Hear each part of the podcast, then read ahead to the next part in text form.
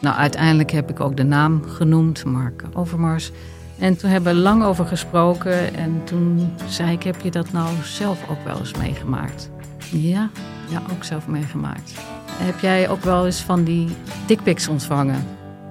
Ook. Ja, dat vond ik toch wel heel heftig. Ben je benieuwd naar deze verhalen en wil je niets missen? Via podimo.nl slash gonzo luister je 30 dagen gratis naar Gonzo op Podimo. podimo.nl slash gonzo Liegen over een mondkapjesdeal die je hebt gesloten met de overheid. Een deal waarmee je miljoenen hebt verdiend. Dat doet toch alleen Siewert van Linden? Nou, nee. Ik ben Felicia Alberding en in de Mondkapjesmiljonairs duik ik met een team van correspondenten in andere schandalen. Want wist je dat Siewert helemaal niet uniek is? Luister de Mondkapjesmiljonairs in je Podimo-app. Of ga naar podimo.nl slash mondkapjes. En probeer Podimo 30 dagen. podimo.nl slash mondkapjes. Deze podcast werd opgenomen op woensdagochtend en ging woensdagmiddag online. Vlak voor de Russische invasie dus van donderdagochtend. We gaan in ons gesprek nog uit van een situatie die verschillende kanten kan opvallen. Iets wat nu al letterlijk de wereld van gisteren is. Welkom bij Buitenlandse Zaken, een podcast van de Groene Amsterdammer. In deze podcast bespreken we internationale zaken en artikelen die in de Groene Amsterdammer zijn verschenen. Buitenlandse Zaken verschijnt elke drie weken op groene.nl en op alle bekende podcastkanalen. Ik ben Rutger van der Hoeven, de buitenlandredacteur van de Groene Amsterdammer. En ik maak de podcast vandaag met Mathieu Segers, buitenlandcolumnist van de Groene en hoogleraar geschiedenis in Maastricht. Mathieu, welkom. Hoi Rutger, fijn om er weer te zijn. Vandaag hebben we als gast daarbij Eva Hartog, onze medewerker in Moskou. Maar eerst zullen Mathieu en ik samen spreken over Nord Stream 2, de omstreden gasleiding die vanuit Rusland rechtstreeks naar Duitsland loopt. De politieke belangen rondom die gaslijn zijn groot, zeker nu die een pion is geworden in de Oekraïne-crisis. Daarna spreken Mathieu en ik in de rubriek Historische woorden over Emmanuel Macron, die vorige week het einde aankondigde van de Franse missie in Mali. Wat zegt dat over Frans-Afrique, de Franse positie in Afrika? En tenslotte spreken we met Eva Hartog over de huidige crisis tussen Rusland en Oekraïne. Eva zal ons uitleggen hoe deze crisis door de Russische man in de straat wordt beleefd. Maar nu eerst dus Nord Stream 2. Dat is een gaslijn die van de westkust van Rusland direct naar Duitsland loopt en een project met grote politieke implicaties. Die lijn was jarenlang onder constructie, onder voortdurende tegenwerking van de VS en die was vorig jaar dan eindelijk klaar. Maar sindsdien draalde Duitsland met het in gebruik nemen ervan, maar draalde ook met een expliciet dreigement om Nord Stream 2 af te sluiten als Rusland Oekraïne zou bedreigen. Die kogel is dan uiteindelijk nu door de kerk. Afgelopen maandag erkende Poetin de afgescheiden provincies van Oekraïne als onafhankelijke landen en Berlijn reageerde daarop door Nord Stream 2 in de band te doen.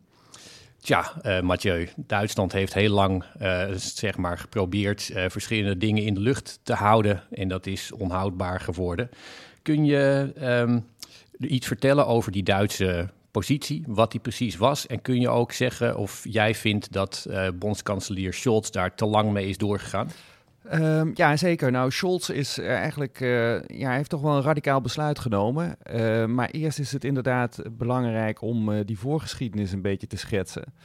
de vorige SPD-kanselier, die zich rond de millenniumwisseling aandiende in de Duitse politiek, Gerhard Schröder, is de grote initiator eigenlijk van het Nord Stream-project samen met met Vladimir Poetin, uh, die hij toen leerde kennen. En tussen deze twee mannen is, uh, om het in het Duits te zeggen, en zo is het ook in de pers gekomen, een Männerfreundschaft ontstaan. Uh, in het begin van dit nieuwe millennium, de 21ste eeuw. En ehm, die hebben zij eigenlijk bezegeld, die vriendschap, met het Nord Stream project. En we hebben het nu ondertussen over Nord Stream 2, maar er is dus ook al een Nord Stream 1. En uh, Gerhard Schreuder die is daar eigenlijk de grote baas van geworden van het consortium die die bouw van de pijplijn coördineert en aanstuurt. En is zo ook terechtgekomen in de oligarchische stratosfeer van uh, Rosneft en Gazprom. Uh, waar, hij zich, waar hij zich op zijn gemak voelt. En hij is dus ook invloedrijk gebleven op die manier in de Duitse politiek. En wat wel opmerkelijk is, en je stipte dat eigenlijk al aan, is dat Duitsland deze graat in de keel, want dat is het toch wel geworden, dat Nord Stream project.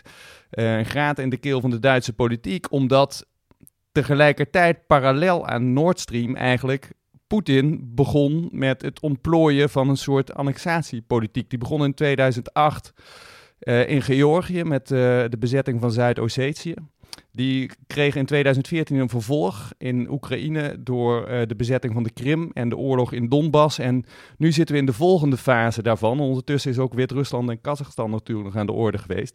Uh, en dat wijst allemaal op het feit dat um, um, die hele regio tussen Duitsland en Rusland, zou je kunnen zeggen, om het even heel grof te zeggen, um, minder belangrijk is geworden uh, via die Nord Stream pipeline, omdat Duitsland en Rusland nu rechtstreeks met elkaar uh, zaken kunnen doen. En dat is iets wat die regio eigenlijk sinds 2007 en zeker sinds die bezetting van Zuid-Ossetië, Georgië, uh, al voelt aankomen. En men is daar dus constant bezig geweest uh, met partners ook in, in Oost-Europa om te zeggen tegen de EU en met name tegen Duitsland dat Nord Stream project is een heel gevaarlijk project, want daarmee maak je ons als het ware een speelbal uh, in een invloedssferenpolitiek die, waar Poetin op uit is. Dus je moet stoppen met Nord Stream 2.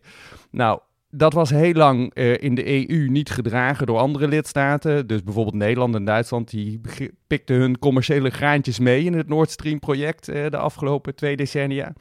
En die waren daar ook zeker niet voor. Maar langzamerhand, en zeker sinds 2019, is er in de EU toch een meerderheid van lidstaten die zegt: Nord Stream 2 is eigenlijk heel problematisch omdat het ons zo afhankelijk maakt van Poetin. En wij willen juist onafhankelijk zijn van Poetin om hem uh, tegenspel te kunnen bieden. Bijvoorbeeld in de situatie uh, in Oekraïne. Nou, Duitsland heeft onder Merkel jarenlang gezegd: uh, wij doen niks aan Nord Stream 2 uh, vanwege politieke redenen, want dat is alleen maar een commercieel project. Nederland heeft zich daar ook altijd achter geschaard, achter die lijn. Uh, maar nu is het dus puntje bij paaltje gekomen, zou je kunnen zeggen, door de verdere escalatie van Poetin in, in Oost-Oekraïne.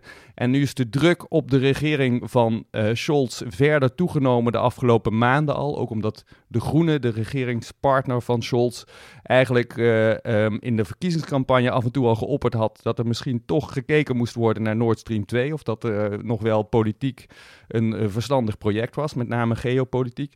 Nu is de druk maximaal geworden op de Duitse regering. Ook omdat in de Duitse pers erg gevraagd werd: wie bepaalt nu eigenlijk de lijn van Duitsland? Is dat Scholz of Schreuder? En dat kon Scholz natuurlijk ook niet over zijn kant laten gaan. En uh, dit heeft hem gebracht tot dit radicale besluit. Daar begon ik al mee, want dat is echt wel een heel vergaand besluit en toch ook wel snel genomen na die erkenning van uh, Luhansk en Donetsk uh, als uh, onafhankelijke republieken door, door Poetin. en dat is wel indrukwekkend, want daarmee laat Scholz wel zien dat hij echt de leiding neemt en een heel andere koers gaat varen in dit project dan de afgelopen twintig jaar is gedaan. en dus ook een hele andere Ruslandpolitiek. En misschien is het laatste wat we daarover moeten zeggen, dat, um, en dat is een kleine kanttekening, dat het een tijdelijke opschorting is van het in gebruik nemen van Nord Stream 2. Dus er is ook nog van alles uh, mogelijk in de nabije toekomst. En de druk uh, vanuit Schreuder zal natuurlijk uh, toenemen om, om Nord Stream uiteindelijk vanwege de alle belangen die daarmee gemoeid zijn, toch in, in gebruik te gaan nemen de komende tijd. Maar dat gaan we zien. Op dit moment is het een radicale geopolitieke en dus niet economische beslissing van Scholz en de nieuwe Duitse regering. Ja, je, ja, je, zegt, uh, je zegt heel erg veel dingen. Ik denk inderdaad, het is wel belangrijk om, om aan te merken dat, uh, dat zeg maar van in de afgelopen weken is het, of maanden is het steeds zo geweest dat, um, dat er heel veel woorden kwamen van het, van het Westen richting, richting Poetin. Van nou, er, er gaat echt heel veel gebeuren, er komen echt heel erge sancties. En er werd de hele tijd gekeken naar Duitsland. Duitsland heeft nou niet, inderdaad precies dit project waar heel veel aan mee gemoeid is. En Duitsland was dan degene die eigenlijk aan die woorden invulling moest geven. Dus in die zin is het, uh, zou je kunnen zeggen, logisch dat Duitsland aarzelde. Iets had van, tja, dus wij moeten zeg maar daar uh, de, de, de punt van, van zijn. Um, aan de andere kant is het ook zo dat, uh, ja, dat Duitsland wel heel erg lang is blijven zitten op dit idee. Ik vind het op zich wel interessant om erop in te gaan. Je noemde trouwens um, Nord Stream 1. Kijk, veel mensen zullen, uh, zullen bij Nord Stream 2 denken... ja, dat is duidelijk politiek, een heel slecht idee... maar er loopt gewoon een lijn naast ja. die al in, in gebruik is. Dat is Nord Stream 1. Die is onder andere uh, gekickstart door, door Mark Rutte. Ja. en daar is de Gasunie is daar een, een partner in. Dus die, die stroomt gewoon. En ik hoop Dat, ik denk dat heel veel mensen in, in, in Den Haag en andere plekken hopen van ja, laat niemand op een gegeven moment zeggen van ja, wat, dat Nord Stream 1 is dat dan eigenlijk ook niet zo'n zo'n goed idee. Maar goed, die loopt. Dus GasUnie zit daarin. in, in Nord Stream 2 zit Shell, de, ja, zou je kunnen zeggen, politieke brekenbeen van 2022, de politieke macher van, van voorheen. Maar goed, um, die, die, die, die politiek die je noemde, die zag, uh, die zag Scholz en veel mensen in de SPD als een soort verlenging van een hele lange openheid naar Rusland, die begonnen is in de jaren zeventig, een Oostpolitiek. En Schreuder wist dat ook heel lang te verkopen als iets wat uh, belangrijk was voor Duitsland, waarbij Duitsland in de geschiedenis ook had laten zien dat het zeg maar een, een slimmere, een betere weg had gevonden dan de Verenigde Staten van die confrontatiepolitiek, dat zij juist de lijn open hielden naar Rusland, uh, claimde ook een soort succes van, dat, van die openheid naar Rusland, van die Oostpolitiek, door te zeggen, ja, in de jaren tachtig veranderde uh, de, de Sovjet-Unie heel erg, dat kwam onder andere door onze openheid. Maar ja, dat is, dat is dus toch onhoudbaar geworden. En ehm, daarmee is uh, de Amerikaanse visie op dit soort economische contacten dominant geworden. Van je moet ze op, uh, op strategische momenten inzetten als wapen. Iets wat Duitsland helemaal niet wilde. En waar ja, Scholz nu toch uh, inderdaad toe gedwongen is, zoals jij zei. Ja, daar, ik ben het met die analyse in, in de grote lijnen helemaal eens, Rutger. Kijk, wat je, wat je ziet, um, en dat is toch wel eigenlijk uh, heel cruciaal om te, om te onderstrepen is dat inderdaad de politiek van openheid heel lang is uh, vanuit Duitsland, maar ook vanuit de Europese Unie gezegd: Rusland is Rusland en Rusland blijft op de kaart liggen waar het ligt. Dus wij moeten ons daar als Europa toe verhouden. Want het is een direct, eigenlijk een directe uh, partner in de, in de nabije buurt.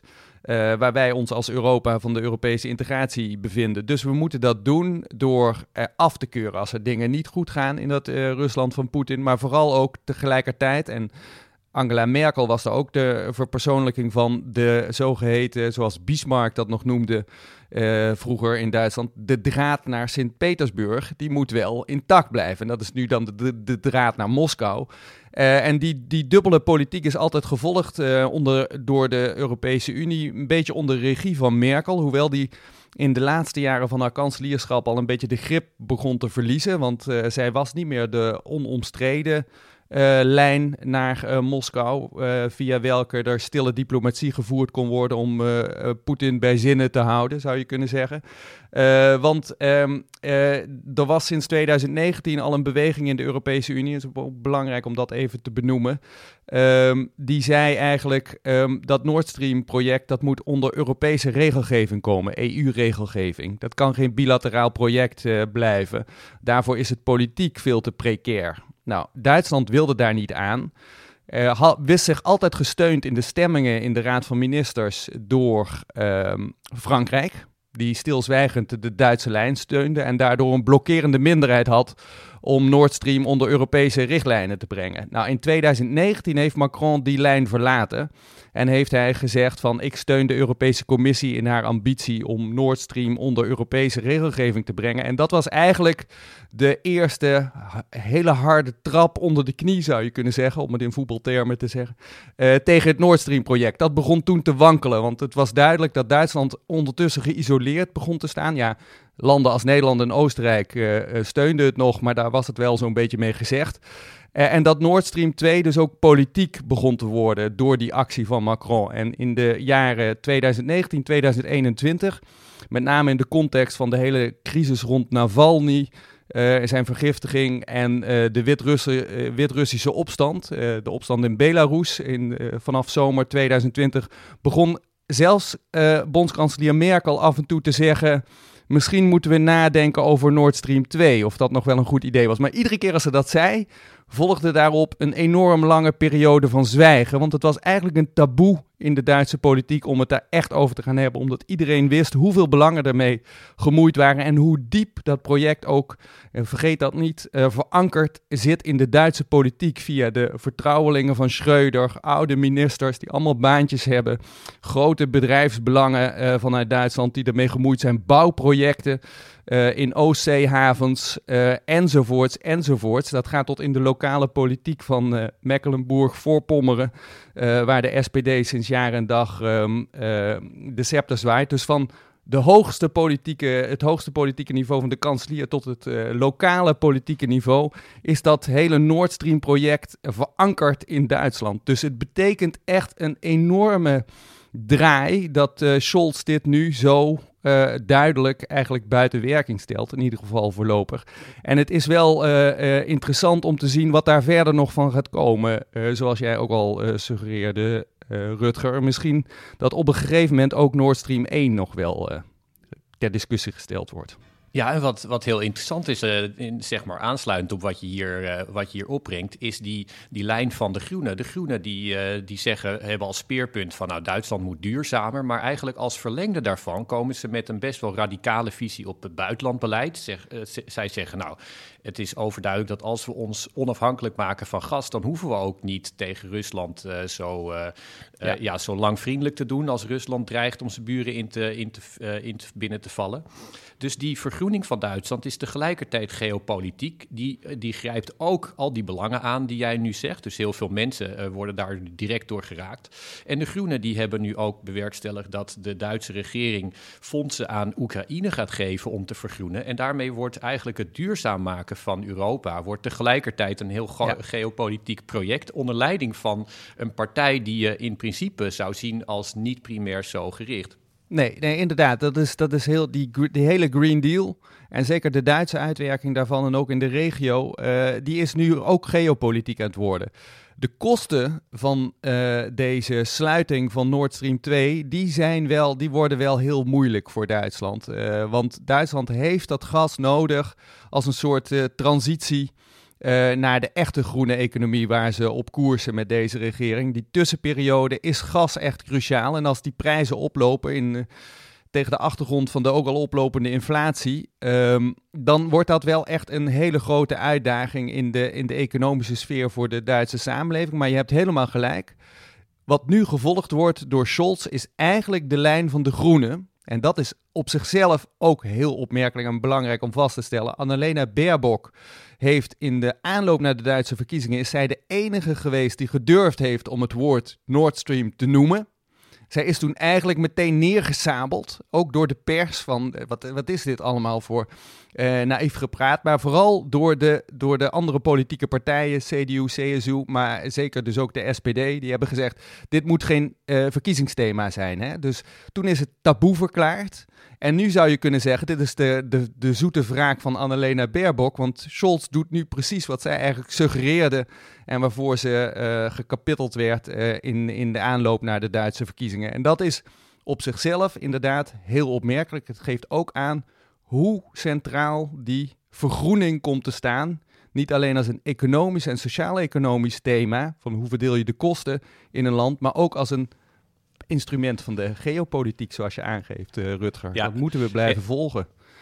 En, en, en vergeet niet, het is ook de wraak van, uh, van Donald Trump. Hè? Want die heeft, um, uh, die zei jarenlang, zei, uh, heeft, heeft hij geprobeerd, of heeft de Amerikaanse regering onder hem geprobeerd om dit project te blokkeren, te saboteren. Er kwamen sancties onder andere tegen Nederlandse bedrijven, maar ook tegen, tegen allerlei andere Europese bedrijven en Amerikaanse die met dat project te maken hadden. Um, nou ja, Donald Trump die, die werd over dat project verteld en die zei van, nou ja, de, de Germans the Germans are very bad. En uh, zei dat, uh, dat dit afgelopen moest zijn. Maar ja, dus hij, uh, hij heeft uiteindelijk hier zeg maar wel zijn, eh, zijn zin gekregen. Is dat inderdaad Trumps, Trumps wraak, denk je? Ja, ik, ik, denk dat je hier wel kunt zeggen. Dus je kunt natuurlijk heel veel dingen zeggen over Donald Trump. Maar Donald Trump probeerde Duitsland en daarmee de hele Europese Unie in een positie te brengen. waarin zij moesten kiezen of delen tussen Nord Stream en NAVO. En dat heeft hij uh, zeker aan het einde in het laatste jaar echt geprobeerd om helemaal op scherp te zetten door Nord Stream keihard af te keuren als iets wat, uh, wat, wat waanzinnig was, bij wijze van spreken, van de Duitsers. En inderdaad, dan, dan voegde hij er altijd aan toe, the Germans are bad, they're very bad. In de, in, in de sfeer dat hij zei van, hè, zij zijn uit op een hegemonie in Europa en dit is een van hun, hun instrumenten om die tot stand te brengen. Uh, en daar moeten wij tegen zijn Amerika heeft ook, en dat gaat nu ook uh, in versneld tempo door, natuurlijk altijd het alternatief geboden. Iets wat voor hen zelf ook commercieel interessant was, namelijk vloeibaar gas. Wat voor een groot gedeelte uit de VS kan worden geïmporteerd door Europa. Uh, en dat is een project, denk ik, wat nu uh, misschien wel vleugels zal krijgen doordat Nord Stream 2 stilgezet is. en misschien ook wel een soort nieuwe impuls kan geven aan de transatlantische band, die toch een beetje tanende is. Uh, maar nu natuurlijk in alle hevigheid moet worden gerevitaliseerd in uh, antwoord op uh, de politiek van Poetin. Dus wie weet gaan we daar ook snel bewegingen zien in die, in die vloeibare gasmarkt. En ja, die is misschien ook wel belangrijk voor de rest van Europa als een alternatief. Ja, want de, zeg maar om eventjes weer eh, terug te keren naar het politieke. Die, um, de dreiging voor, voor Oost-Europa, voor, voor Polen en die andere landen, die zien zij erin van nou, Rusland sluit zich direct op gas aan. Dan kunnen wij veel makkelijker worden afgesloten van gas. Dat is ook een belangrijke dimensie in de oorlog met Oekraïne. Daar loopt nu een belangrijke lijn doorheen naar West-Europa. Die lijn zelf was trouwens ook uh, onderwerp van heel groot politiek getouwtrek tussen de Verenigde Staten en West-Europa. Dus West-Europa wilde graag die lijn door Oekraïne werd aangelegd naar. Um, eh, vanuit Siberië naar, uh, naar Europa toe. Dat was toen al heel veel gedoe. Er werd een, uh, dat werd bondgenoot tegen bondgenoot, uh, werd dat. De Amerikanen hebben hem opgeblazen volgens een, ja. een, een, soort beke bekentenis van een, van een geheim agent. Het is niet zeker, maar dit is dus eigenlijk in herhaling. En ja, het, het, dit is het nieuwste hoofdstuk, zou je kunnen zeggen. En in, zoals je al aan het begin van het gesprek zei, het is tijdelijk. Dus we weten nog niet hoe, hoe de toekomst van Nord Stream 2 eruit gaat zien. Nee. nee, maar het is inderdaad zo dat die gaspijpleidingen, dat zijn, uh, het is een hele belangrijke dimensie van de geopolitiek. En daar gebeurt alles wat je je voorstelt bij high politics, inclusief sabotage. Want dat is inderdaad vanaf begin jaren 2000 aan de orde van de dag geweest. In juist die zone uh, die nu eigenlijk zo, uh, ja, zo kwetsbaar gemaakt wordt door de politiek van Poetin. Die loopt van het, van het Balticum tot, tot aan Georgië en Kazachstan. Tja, heerlijk om, uh, om te volgen. Dankjewel, uh, Mathieu.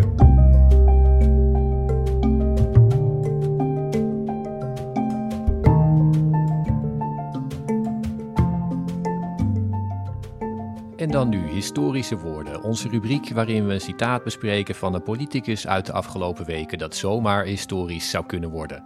We luisteren naar Emmanuel Macron, de president van Frankrijk. Notre empreinte doit se réduire comme nous l'avons fait au nord du Mali, en fermant trois de nos emprises à Kidal, Thessalie et Tombouctou.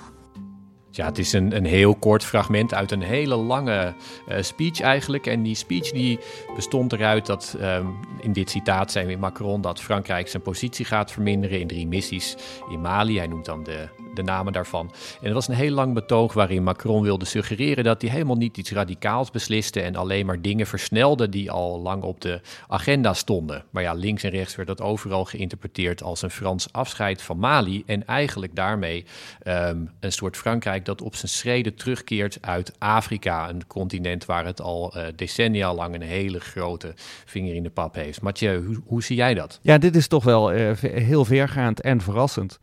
Uh, want uh, Frankrijk heeft altijd inderdaad niet alleen een mission civilisatrice gehad, maar ook nog een echte focus op Afrika als een gebied wat eigenlijk toch francofoon voor een groot gedeelte zou moeten zijn. En zeker daar de Sahel uh, met Mali. Is een, is een erkende Franse stronghold, zou je kunnen zeggen, op het Afrikaanse continent. Dat wordt nu toch opgegeven. En ik denk dat dat wel interessant is om te registreren in het kader van alles wat er op dit moment gebeurt. We hebben heel lang gedacht dat we na de Koude Oorlog in een steeds, nog steeds geordende wereld leefden. Maar die geordende wereld van het multilateralisme en de oude, zou je zeggen, vertrouwde relaties met het buitenland vanuit uh, Europa, die is toch in hoog tempo heel ongeordend aan het uh, blijken. Uh, en daar hoort dit eigenlijk ook bij, want uh, tegelijkertijd met die Franse terugtrekking is er, uh, zijn er natuurlijk kapers op de kust in de Sahel. daar rijdt een Wagner-groep rond die door Rusland gesponsord wordt. daar zijn Chinese belangen niet ver weg. dus ja, dit is toch wel ehm, opmerkelijk en iets uh, wat toch ook wel zorgen baart, vind ik. Ja, en uh, je noemde China en Rusland, de kapers op de kust. Het doet op een bepaalde manier denken, zou je kunnen zeggen, aan Afghanistan. Het werd soms Frankrijks altijd oorlog genoemd. En dat, dat, die term die refereert ook naar, naar Irak en Afghanistan. Ehm, het is duidelijk dat Franse belangen daar groot zijn. En dat Frankrijk ook belang had, zou je kunnen zeggen, om die positie groot te houden. Tegelijkertijd was het ook een soort ja, bloedende wond die, uh, er, er bleven Fransen doodgaan. Uh, er bleef Frans geld naartoe gaan. Maar het ging helemaal niet goed met die, uh, met die anti-terreurmissie. Um, radicale groepen daar kregen uh, grotere voet aan de grond. En eigenlijk heeft Frankrijk er, uh, zou je kunnen zeggen, uh, toch op een bepaalde manier geen zin in. Wil werken met landen die met Frankrijk willen, willen werken. Frankrijk zag te weinig steun in de regio daarvoor. Dus ik, ja, ik denk, zie het toch ook wel als een, als een toch een vrij grote stap. Ja, het is, het is, het is, het is opmerkelijk. Het, is, het klopt helemaal wat je zegt. Dus het is in zekere zin een rationele beslissing. Maar het is ook een onderdeel van een herschikking uh, van, de, van, van de wereldverhoudingen in een, in een hele cruciale regio. En misschien ook wel mentaal, want Frans-Afrique was, uh, is uh, tegelijk politiek en economisch, maar ook heel erg een mentaal iets. Frankrijk is heel erg verweven, geeft de leiding, maar misschien neemt Frankrijk daar toch afstand van. Ja, wie weet.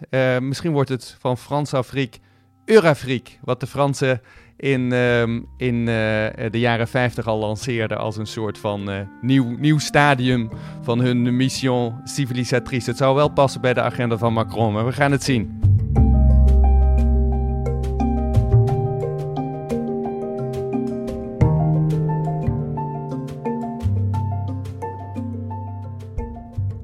En dan nu Rusland en Oekraïne. We zagen deze week de Russische president Vladimir Poetin drie kwartier college geven over de Russische en Oekraïns geschiedenis. Met als kern dat die twee dingen hetzelfde zijn. Er is geen Oekraïne en het lijkt erop alsof hij die geografische fout misschien wel wil rechtzetten. Als het nu niet is, dan misschien op een moment in de toekomst. Eva Hartog is virtueel bij ons aangeschoven in Moskou. Eva is journalist, uh, ter plekke medewerker van de Groene Amsterdammer. Eva, hoe is het daar in Moskou?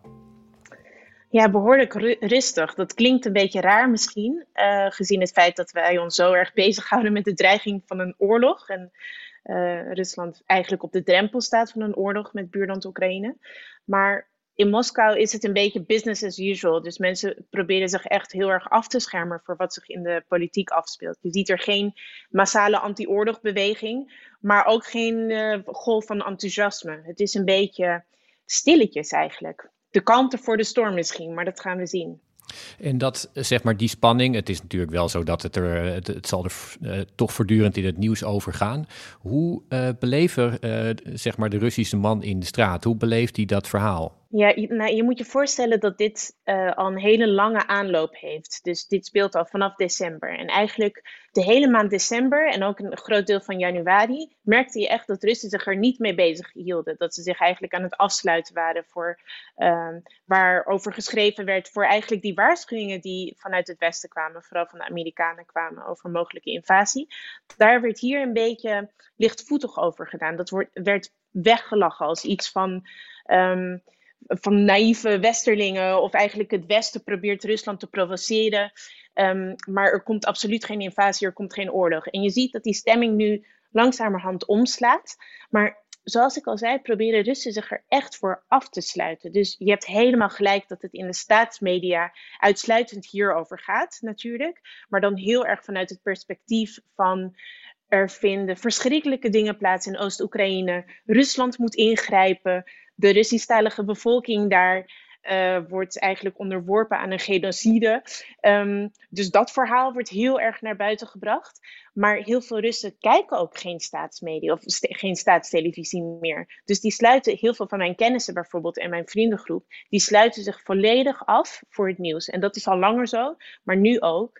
En ze hebben een beetje het gevoel van ja, wij kunnen de situatie in eigen land niet beïnvloeden, ook niet op het wereldtoneel. We zien het wel. Ik ga ondertussen gewoon door met mijn leventje en fingers crossed um, kan ik me daarvoor blijven afsluiten. Tegelijkertijd wel een belangrijke kanttekening is dat je merkt dat waar gewone Russen zich nog het meest zorgen over maken, de economische toestand is. Dus uh, eigenlijk situatie. Dus ze verwachten dat ehm, dit geen goed nieuws is voor de Russische economie, voor de Russische, voor de roebel.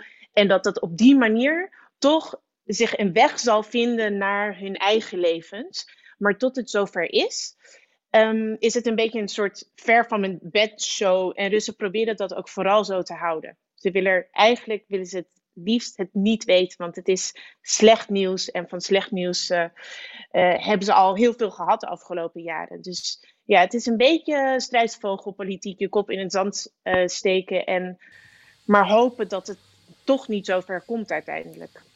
Maar ja, het, het stel nu dat het wel zover komt en uh, zo direct gaan um, de Russische tanks over de grens en niet met een paar, maar gewoon met, met heel erg veel. Ja, dan, uh, dan zal de struis, struisvogelbenadering, uh, die, die werkt dan niet meer. Hoe zullen veel Russen dat, dat beleven? Denk je dat dat een, een schok zal zijn, dat ze, dat ze dat ervaren als ja, toch een beetje in het, in het, het bos in te zijn gestuurd qua, qua informatie? Of denk je dat, dat zij dat zien als iets wat, wat onvermijdelijk is. Wat nou eenmaal uh, moest gebeuren vanwege de, de westerse houding in dit conflict? Ja, dat is een hele goede vraag. Ik denk eigenlijk een combinatie, een cocktail van dat alles.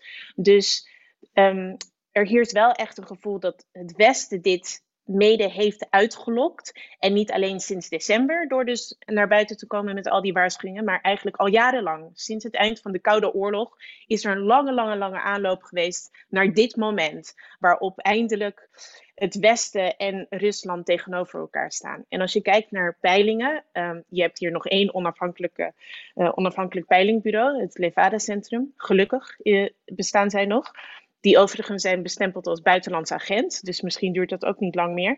Maar goed, als je kijkt naar hun onderzoek, dan um, blijkt dat ongeveer de helft van de Russische bevolking zo niet meer inderdaad denkt dat Amerika, de NAVO, volledig de schuld draagt, de verantwoordelijkheid heeft voor de escalatie in spanningen nu. Dus en Rusland niet. Dus eh, als je gewoon even kijkt naar de percentages, dan denkt ongeveer 3% van de Russische bevolking dat Rusland hier een aandeel in heeft. Dus het is juist, het Westen is de agressor. Het Westen komt naar ons toe en wij moeten ons daartegen verdedigen. Dat is een beetje de, de voedingsbodem die hier al veel langer uh, bestaat, die hier al veel langer is. Um, dat aan één kant. Tegelijkertijd willen Russen geen oorlog. En vooral niet met Oekraïne. Je merkt echt dat mm, men zich hier ongemakkelijk voelt bij het idee. En uh, dat vooral niet willen. Maar ja, er, er is wel een soort van idee dat het onontkoombaar is. Dat Rusland een oorlog in wordt getrokken. En dat gewone Russen geen invloed kunnen uitoefenen op hun eigen politiek. Dus binnen de, op de situatie binnen eigen land. Maar dus ook niet op het, uh, op het wereldtoneel, op de internationale politiek. Dus Russen voelen zich hulpeloos om deze situatie op de ene of andere manier te beïnvloeden. Vanuit de Russische eigenlijk propaganda, vanuit het Kremlin, wordt er nu heel erg duidelijk de afgelopen weken, week een switch gemaakt van het verhaal. Dus het eerste verhaal was het Westen maakt, maakt zich onterecht zorgen. Invasie, welke invasie? Dat werd compleet belachelijk gemaakt. En nu zeg je, eh, zie je heel erg dat de focus ligt op, wat ik al net zei, de gen, zogenaamde genocide in Oost-Oekraïne. En Rusland, die daar als een soort peacekeeper op vredesmissie uh, de orde moet gaan herstellen, want anders zouden er tienduizenden, honderdduizenden mensen um, dood kunnen gaan, bij wijze van spreken. Dus er wordt echt een soort apocalyptisch beeld geschetst. En ik denk ook, los van wat er de komende dagen, weken gaat gebeuren, dat dat heel erg de lijn is die Rusland blijft aanhouden. Niet meer zozeer dat historische verhaal waar Poetin het over had, waarin hij gewoon het bestaansrecht van Oekraïne totaal ontkent, maar meer de situatie nu is urgent. We moeten nu ingrijpen. Huppakee, we gaan de grens over met onze uh, troepen en met ons materieel. Ja, Mathieu, als we zeg maar, als we um, straks even uh, straks naar die, de huidige situatie gaan en die, uh, die Russische, dat nieuwe perspectief. Ik wil jou toch even vragen naar dat, um, dat historische deel. Ik bedoel, um, Uh, jij als historicus, het is een beetje een grote vraag, maar dat Russische uh, verhaal van nou de Koude Oorlog is nooit afgelopen. Uh, de Verenigde Staten hebben een, een heel groot aandeel in de, in de huidige crisis. Um, hoe kijk jij er tegenaan als, als historicus tegen die vraag van ja de, de Koude Oorlog is altijd doorgegaan? Is dat te simpel? Is dat deterministisch? Of hoe, hoe beleef jij dat? Nee, dat is zeker niet te simpel, denk ik. Eh, zeker als je, ik, ik, ik, sluit heel erg aan bij het verhaal wat Eva net uh, hield. Als je kijkt naar wat Poetin eigenlijk uh, al heel vroeg naar voren heeft gebracht als een westerse provocatie, is het NAVO-bombardement op Kosovo in 1999. Maar dat was natuurlijk ver voor de bezetting van Zuid-Ossetië. Dat was ver voor de annexatie van de Krim was tien jaar eerder. En hij heeft gezegd, kijk, daar is het Westen, heeft daar als het ware zijn ware gezicht laten zien. Ze hebben onder, de mom, onder het mom van een vredesmissie een land gebombardeerd, dat een broederland is van Rusland, een partner, Servië. En daar een hele provincie op die manier afgescheiden, Kosovo.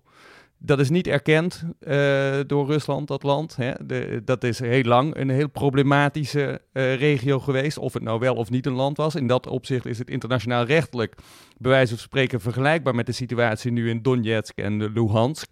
Waar dus uh, sommige landen dat erkennen, andere niet in, in de slipstream van Rusland. En dat patroon, daarvan heeft Poetin steeds gezegd: kijk, dat is niet het Russische patroon. Het Westen is begonnen met die invloedssferenpolitiek. Uh, aan de randen van de Europese Unie. En uh, wij hebben dat gezien en wij zijn daardoor bezorgd geraakt. En hij heeft iedere keer opnieuw dat voorbeeld aangehaald om te zeggen: kijk, ik ben niet begonnen met deze politiek. Ik reageer vanuit Russisch belang. En je kunt daar duizenden en één vragen bij stellen of dat echt uh, klopt. Maar je kunt tegelijkertijd vaststellen dat wat hij doet inderdaad in dat opzicht consistent is. En ook de manier zoals Eva het nu omschrijft, hè, de, de vredesmissie.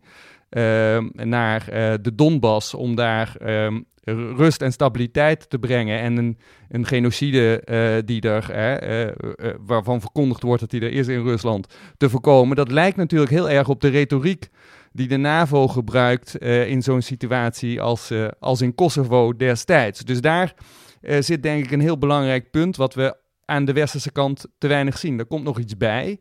Want je zou ook nog kunnen zeggen dat eigenlijk de Verenigde Staten ook op allerlei andere manieren toch Rusland geprovoceerd heeft. En uh, bijvoorbeeld hè, de regering Bush junior, die hebben best wel huis gehouden in de regio in de zin van het plaatsen van een raketschild in Polen en Tsjechië, dat zogenaamd ter defensie zou zijn van mogelijke Russische uh, agressie. Het aanhalen van de banden met Oekraïne en Georgië en hun als het ware warm maken voor een NAVO-lidmaatschap op een hele actieve manier. Dan nog eens een keer de financiering van allerlei maatschappelijke ontwikkelingen onder, de, onder het mom van democratiebevordering, wat vaak ook oprecht was en door NGO's gebeurde, maar wat allemaal geregistreerd is in Rusland als dit is invloedssferenpolitiek vanuit het Westen. En daar moeten wij onze eigen invloedssferenpolitiek tegenover stellen. Dat kan niet anders. Ja, als ik daar iets aan mag toevoegen, want ja, dit is inderdaad helemaal het Russische verhaal. Maar ik woon hier al uh, acht jaar en wat je heel erg ziet, is dat dat historische revisionisme van waar Poetin mee bezig is, dat heeft, hij zit op verschillende sporen tegelijkertijd. Dus hij is ook een pragmaticus, hij gebruikt het verhaal wat voor hem op dat moment het meest handig is. Dus inderdaad, het verhaal sinds de Koude Oorlog, maar tijdens zijn speech bijvoorbeeld op maandag, waarin hij dus. Uh, verklaarde dat Rusland inderdaad Donetsk en Luhansk als onafhankelijk zou erkennen. Daarin ging het juist heel erg over de vroege Sovjetperiode. En haalde hij opeens Lenin aan. Ik, was, ik zat te kijken met een uh, Russische kennis van mij, een jonge vent van de Netflix-generatie. En hij zat hoofdschuddend te kijken naar die speech van Poetin. Van, hé, Lenin, wat heeft Lenin hier nou mee te maken? En het is, op het ene moment heeft hij het over inderdaad, uh, Oekraïne is geen land. Oekraïne is puur door de Opgericht uh, als staat, omdat dat toen even handig uitkwam. Dus nu uh, in het verlengde daarvan heeft Oekraïne nog steeds geen bestaansrecht. Op een ander moment heeft hij het weer over inderdaad NAVO, de NAVO. Kosovo komt er nog even bij kijken. Dus hij pakt een beetje, hij snoept eigenlijk van elk historisch verhaal wat af om te rechtvaardigen waar hij mee bezig is. En, maar goed, de, dat terzijde, heel veel Russen uh, zijn het met hem eens en zijn daar ook vatbaar voor. En zeker als je weer teruggaat naar die peilingen, als je kijkt wat de Russische bevolking vindt, heerst er wel het gevoel dat uh, Amerika is out to get Russia. Is bezig met het ondermijnen van Rusland op verschillende manieren. Door inderdaad revoluties te steunen in buurlanden. Um, dat Amerika, eh, Amerika zal niet stoppen met dat soort van evil plan. Dus Rusland moet zich daar wel tegen verzetten. Maar Eva, nog een vraag, want ik vind het heel interessant uh, hoe Poetin nu te werk gaat. Jij zegt inderdaad, hij schakelt op al die niveaus en is heel pragmatisch in welk narratief hij als het ware gebruikt om dingen te rechtvaardigen. Sommigen zeggen hij is langzamerhand in verwarring. Hij staat enorm onder druk. Hij heeft ineens haast. Hij had nooit haast, want hij was langzaam aan het schaken in die regio. Nu lijkt het alsof hij overhaast allerlei dingen doet. Hoe, hoe schat jij dat in? Wat is de, de, de, de, de, de visie uh, bij jou? Is er inderdaad twijfel over of dit nog wel past in zijn, zijn lijn van de afgelopen bijna twintig jaar? Of dat hij nu ineens alle overhaaste dingen aan het doen is in een soort van verwarring? Ja, dat is zo'n goede vraag. En eigenlijk de vraag waar wij correspondenten en uh, politicologen nu al wekenlang mee bezig zijn. Want met het voorspellen van elke mogelijke volgende stap uh, van Rusland, van Poetin eigenlijk, um, bedenk je allerlei scenario's. En het ziet er naar uit alsof hij nu eigenlijk voor het minst logische scenario gaat. We, we snappen de logica eigenlijk niet meer. Want het erkennen van Luhansk en Donetsk, van die separatistische gebieden, is niet bepaald in het voordeel van Rusland. Als je doel is dat Oekraïne zich niet aansluit bij de NAVO, waar dus het verhaal oorspronkelijk over ging, waar Poetin mee kwam, dan werkt dit averechts. Moskou heeft ook de facto controle over die regio's. Dus dat is heel moeilijk te verklaren. En het ziet er, ik, ik weet het natuurlijk niet. Ik ken Poetin helaas uh, niet persoonlijk. Maar um, wat je wel ziet, ook tijdens die toespraak op maandag, is dat Poetin zich steeds emotioneler lijkt uit te laten. En ook in de afgelopen maanden en in het afgelopen jaar heeft hij een paar historisch uh, getinte hele lange artikels geschreven, uiteenzettingen. Hij hij, er wordt gezegd dat hij echt geobsedeerd is door de geschiedenis. En dat corona, dat is een andere theorie die parallel loopt, COVID, dat alleen maar erger heeft gemaakt, omdat zijn kring heel klein is geworden. Hij sluit zich af zelfs van zijn adviseurs. En Um, ik zag laatst een, uh, iemand op Twitter posten van de, als een van de minst of meest onderschatte consequenties van COVID is dat Poetin waarschijnlijk opgesloten heeft gezeten in een kamer vol met geschiedenisboeken. Dit is wat eruit komt na twee jaar. Maar goed, die isolatie heeft hem misschien geen goed gedaan. Maar inderdaad, het, het ziet er naar uit dat hij, dat hij um, het gevoel heeft dat dat inderdaad nu moet gebeuren en niet per se het hoofd koel houdt. Ja, ik, uh, om, om hierop aan te sluiten. Ik, uh, ik zag dat, dat Navalny daarop reageerde door hem um, uh, seniel te noemen en een, een groep senielen. Ik, Eva, jij moet me misschien maar uitleggen hoe het kan dat, dat Navalny nog, nog twittert. Dat, ik begrijp niet hoe dat kan. Maar die, hij gebruikte trouwens in een, in een tweet die ik las, als die dan inderdaad van hem is, het, het woord dotard. Wat wel grappig is, want dat is een, een woord wat ook al eerder Kim Jong-un gebruikte. En um, ja, toen werd er in het Westen, in Amerika, zo gekeken. Wat is een dotard? Oh ja, dat staat kennelijk in Google Translate als, uh, als iemand die seniel is. Dat, dat kende ook hier niemand. Maar Navalny gebruikt nu hetzelfde. Maar die zegt dus, ja, die... Um, hij is een beetje seniel aan het worden. Ik zag dat dat meteen dat werd geëchoed in de. Nee, nee, nee, dat zei jij niet. Nee, nee, dat oh, zei okay. Navalny. Maar um, dat werd meteen in de, geëchoed in de, in de Britse pers van ja, uh, Poetin die lijkt een beetje het uh, misschien niet helemaal op een rij te hebben. En dat is natuurlijk ook onderdeel van een soort, ja, zou je kunnen zeggen, informatieoorlog. Een hele interessant aspect van, van het huidige moment. Want um, de Verenigde Staten en Groot-Brittannië en andere, in andere westerse landen is, is heel veel informatie beschikbaar. Met, met, name door de Amerikaanse regering de hele tijd naar buiten gegooid over wat Rusland aan het doen is. Uh, met al die duizenden troepen naar de grens. Wat de, de, um, de implicaties zijn. Wat de overwegingen van Poetin zijn. Dat er, uh, dat er vervalste video's worden voorbereid en dergelijke. Een soort nieuwe stap in die informatieoorlog. En er wordt wel geschreven: ja, dit is het Amerikaanse antwoord op de desinformatieoorlog van Rusland. Door er een informatieoorlog van te maken. Hoe, zie jij, hoe, zie, hoe ziet dat er vanuit Moskou uit? En hoe kijk jij tegen die analyse? Eva? Ja, het was wel heel. Het is heel, een hele vreemde situatie. En vooral in december en januari, toen er constant eigenlijk deadlines werden ver, uh, in de media werden gepubliceerd. en werden voorspeld van die dag gaat er een volledige invasie plaatsvinden van Oekraïne. En het, het leek ons zo onwaarschijnlijk. Het leek echt een parallele planeet te zijn. En de Biden-administratie heeft natuurlijk de eigen, een eigen strategie. Maar vanuit Russen zelf gezien, um, heeft het wel het beeld gevoed dat eigenlijk het Westen, of de westerse media, niet weten waar ze het over hebben. Dus dat, voor Russen is dat heel lastig. Want ook Russen die zich wat kritischer verhouden tot het Kremlin, um, niet per se Poetinisten, die vinden het lastig om, om hier nog wat uit wat soeps van te maken. In de zin van je hebt als Rus al heel veel te maken, eigenlijk uitsluitend te maken met propaganda. Ehm, verklaringen die je niet kan verifiëren. Er wordt iets geroepen. Amerika is de boosdoener. Slecht, slecht, slecht. En opeens eigenlijk neemt het Westen bijna die tactiek over. En dat is, ik vind dat wel risicovol. Um, de vraag is of dat heeft gewerkt of of dat werkt. Dat laat ik terzijde. Maar vanuit de Russische bevolking gezien heeft dat eigenlijk het beeld versterkt dat het Westen geen haar beter is, um, om het een beetje te chargeren, dan, uh, dan Rusland. En dat westerse media niet per se um, voorzichtiger met informatie omgaan of betrouwbaarder zijn dan de eigen media. En dat versterkt heel erg dat cynisme, wat heel veel Russen dus al hebben.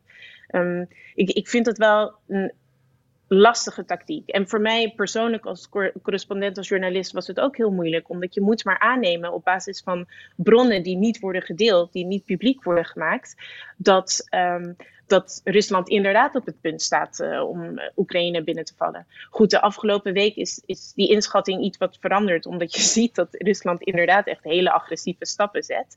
Maar um, ja, je hebt het is eigenlijk een moeras geweest van informatie, desinformatie, zonder uh, de instrumenten om die inf informatie ook te kunnen verifiëren. Dus het is, het is echt, ik heb dit nog nooit eerder meegemaakt en ook niet rondom de annexatie van de Krim. Toen duidelijk was wat, wat eigenlijk feit en fictie was. Nu ligt dat veel dichter bij elkaar. Ja, ik zag jou, Mathieu, ik zag jou uh, knikken toen, uh, toen Eva zei dat het, een, uh, dat het haar een riskante strategie leek. Wat, wat, wat is jouw gedachte daarover? Ja, daar ben ik het helemaal mee eens. Want eigenlijk wat we gezien hebben, en ik denk dat Eva het heel goed omschreven heeft, een soort bluffpolitiek met informatie. Dus Biden heeft zich laten verleiden om in het spel van Poetin mee te gaan. Ja, en als je gaat bluffen, ja, je weet wie de Uber-bluffer is. Ik bedoel, dat is sinds 2008 duidelijk.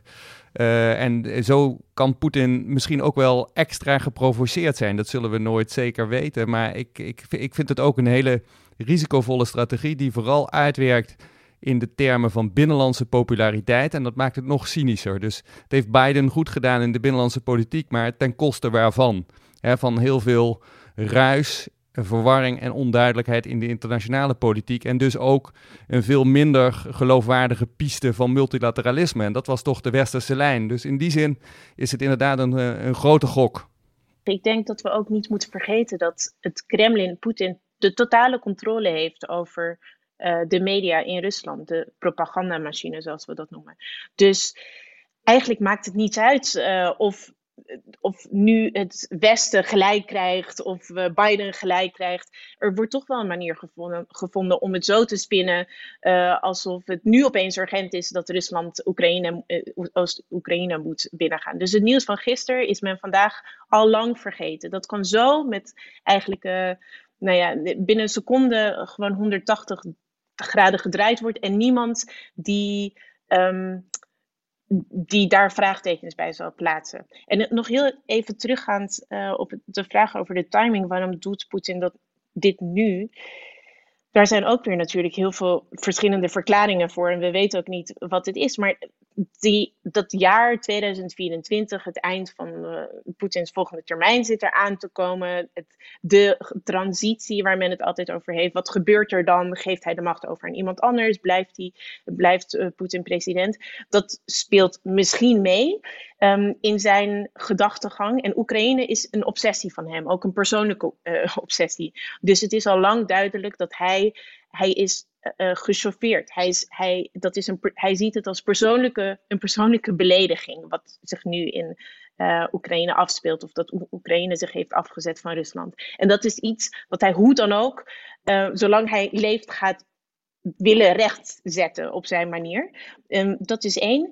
En ten tweede hoor je ook heel veel politicologen hier met die banden hebben met de presidentiële administratie zeggen dat de gedachtegang die daar heerst is dat vroeger of later krijgt Rusland te maken met sancties, met die confrontatie met het Westen. Dat gaat vroeger of later gebeuren. Dus je kan het maar beter nu doen, terwijl het Westen afgeleid is door COVID, uh, terwijl Biden onpopulair is, Amerika kampt met een existentiële crisis. Doe het liever nu, get it over with, dan uh, een beter moment komt er, komt er niet, uh, bot gezegd. Ja. Als nu inderdaad Rusland eh, tot die invasie overgaat, ja, wij eh, nemen dit op op woensdagochtend. Ik zet er maar even bij, want misschien uh, heeft, uh, is het al aan de gang als de luisteraar dit hoort. Maar we hopen natuurlijk van niet. We gaan dat met z'n allen heel, heel scherp in de gaten houden natuurlijk. Eva, Mathieu, heel erg bedankt. Dankjewel.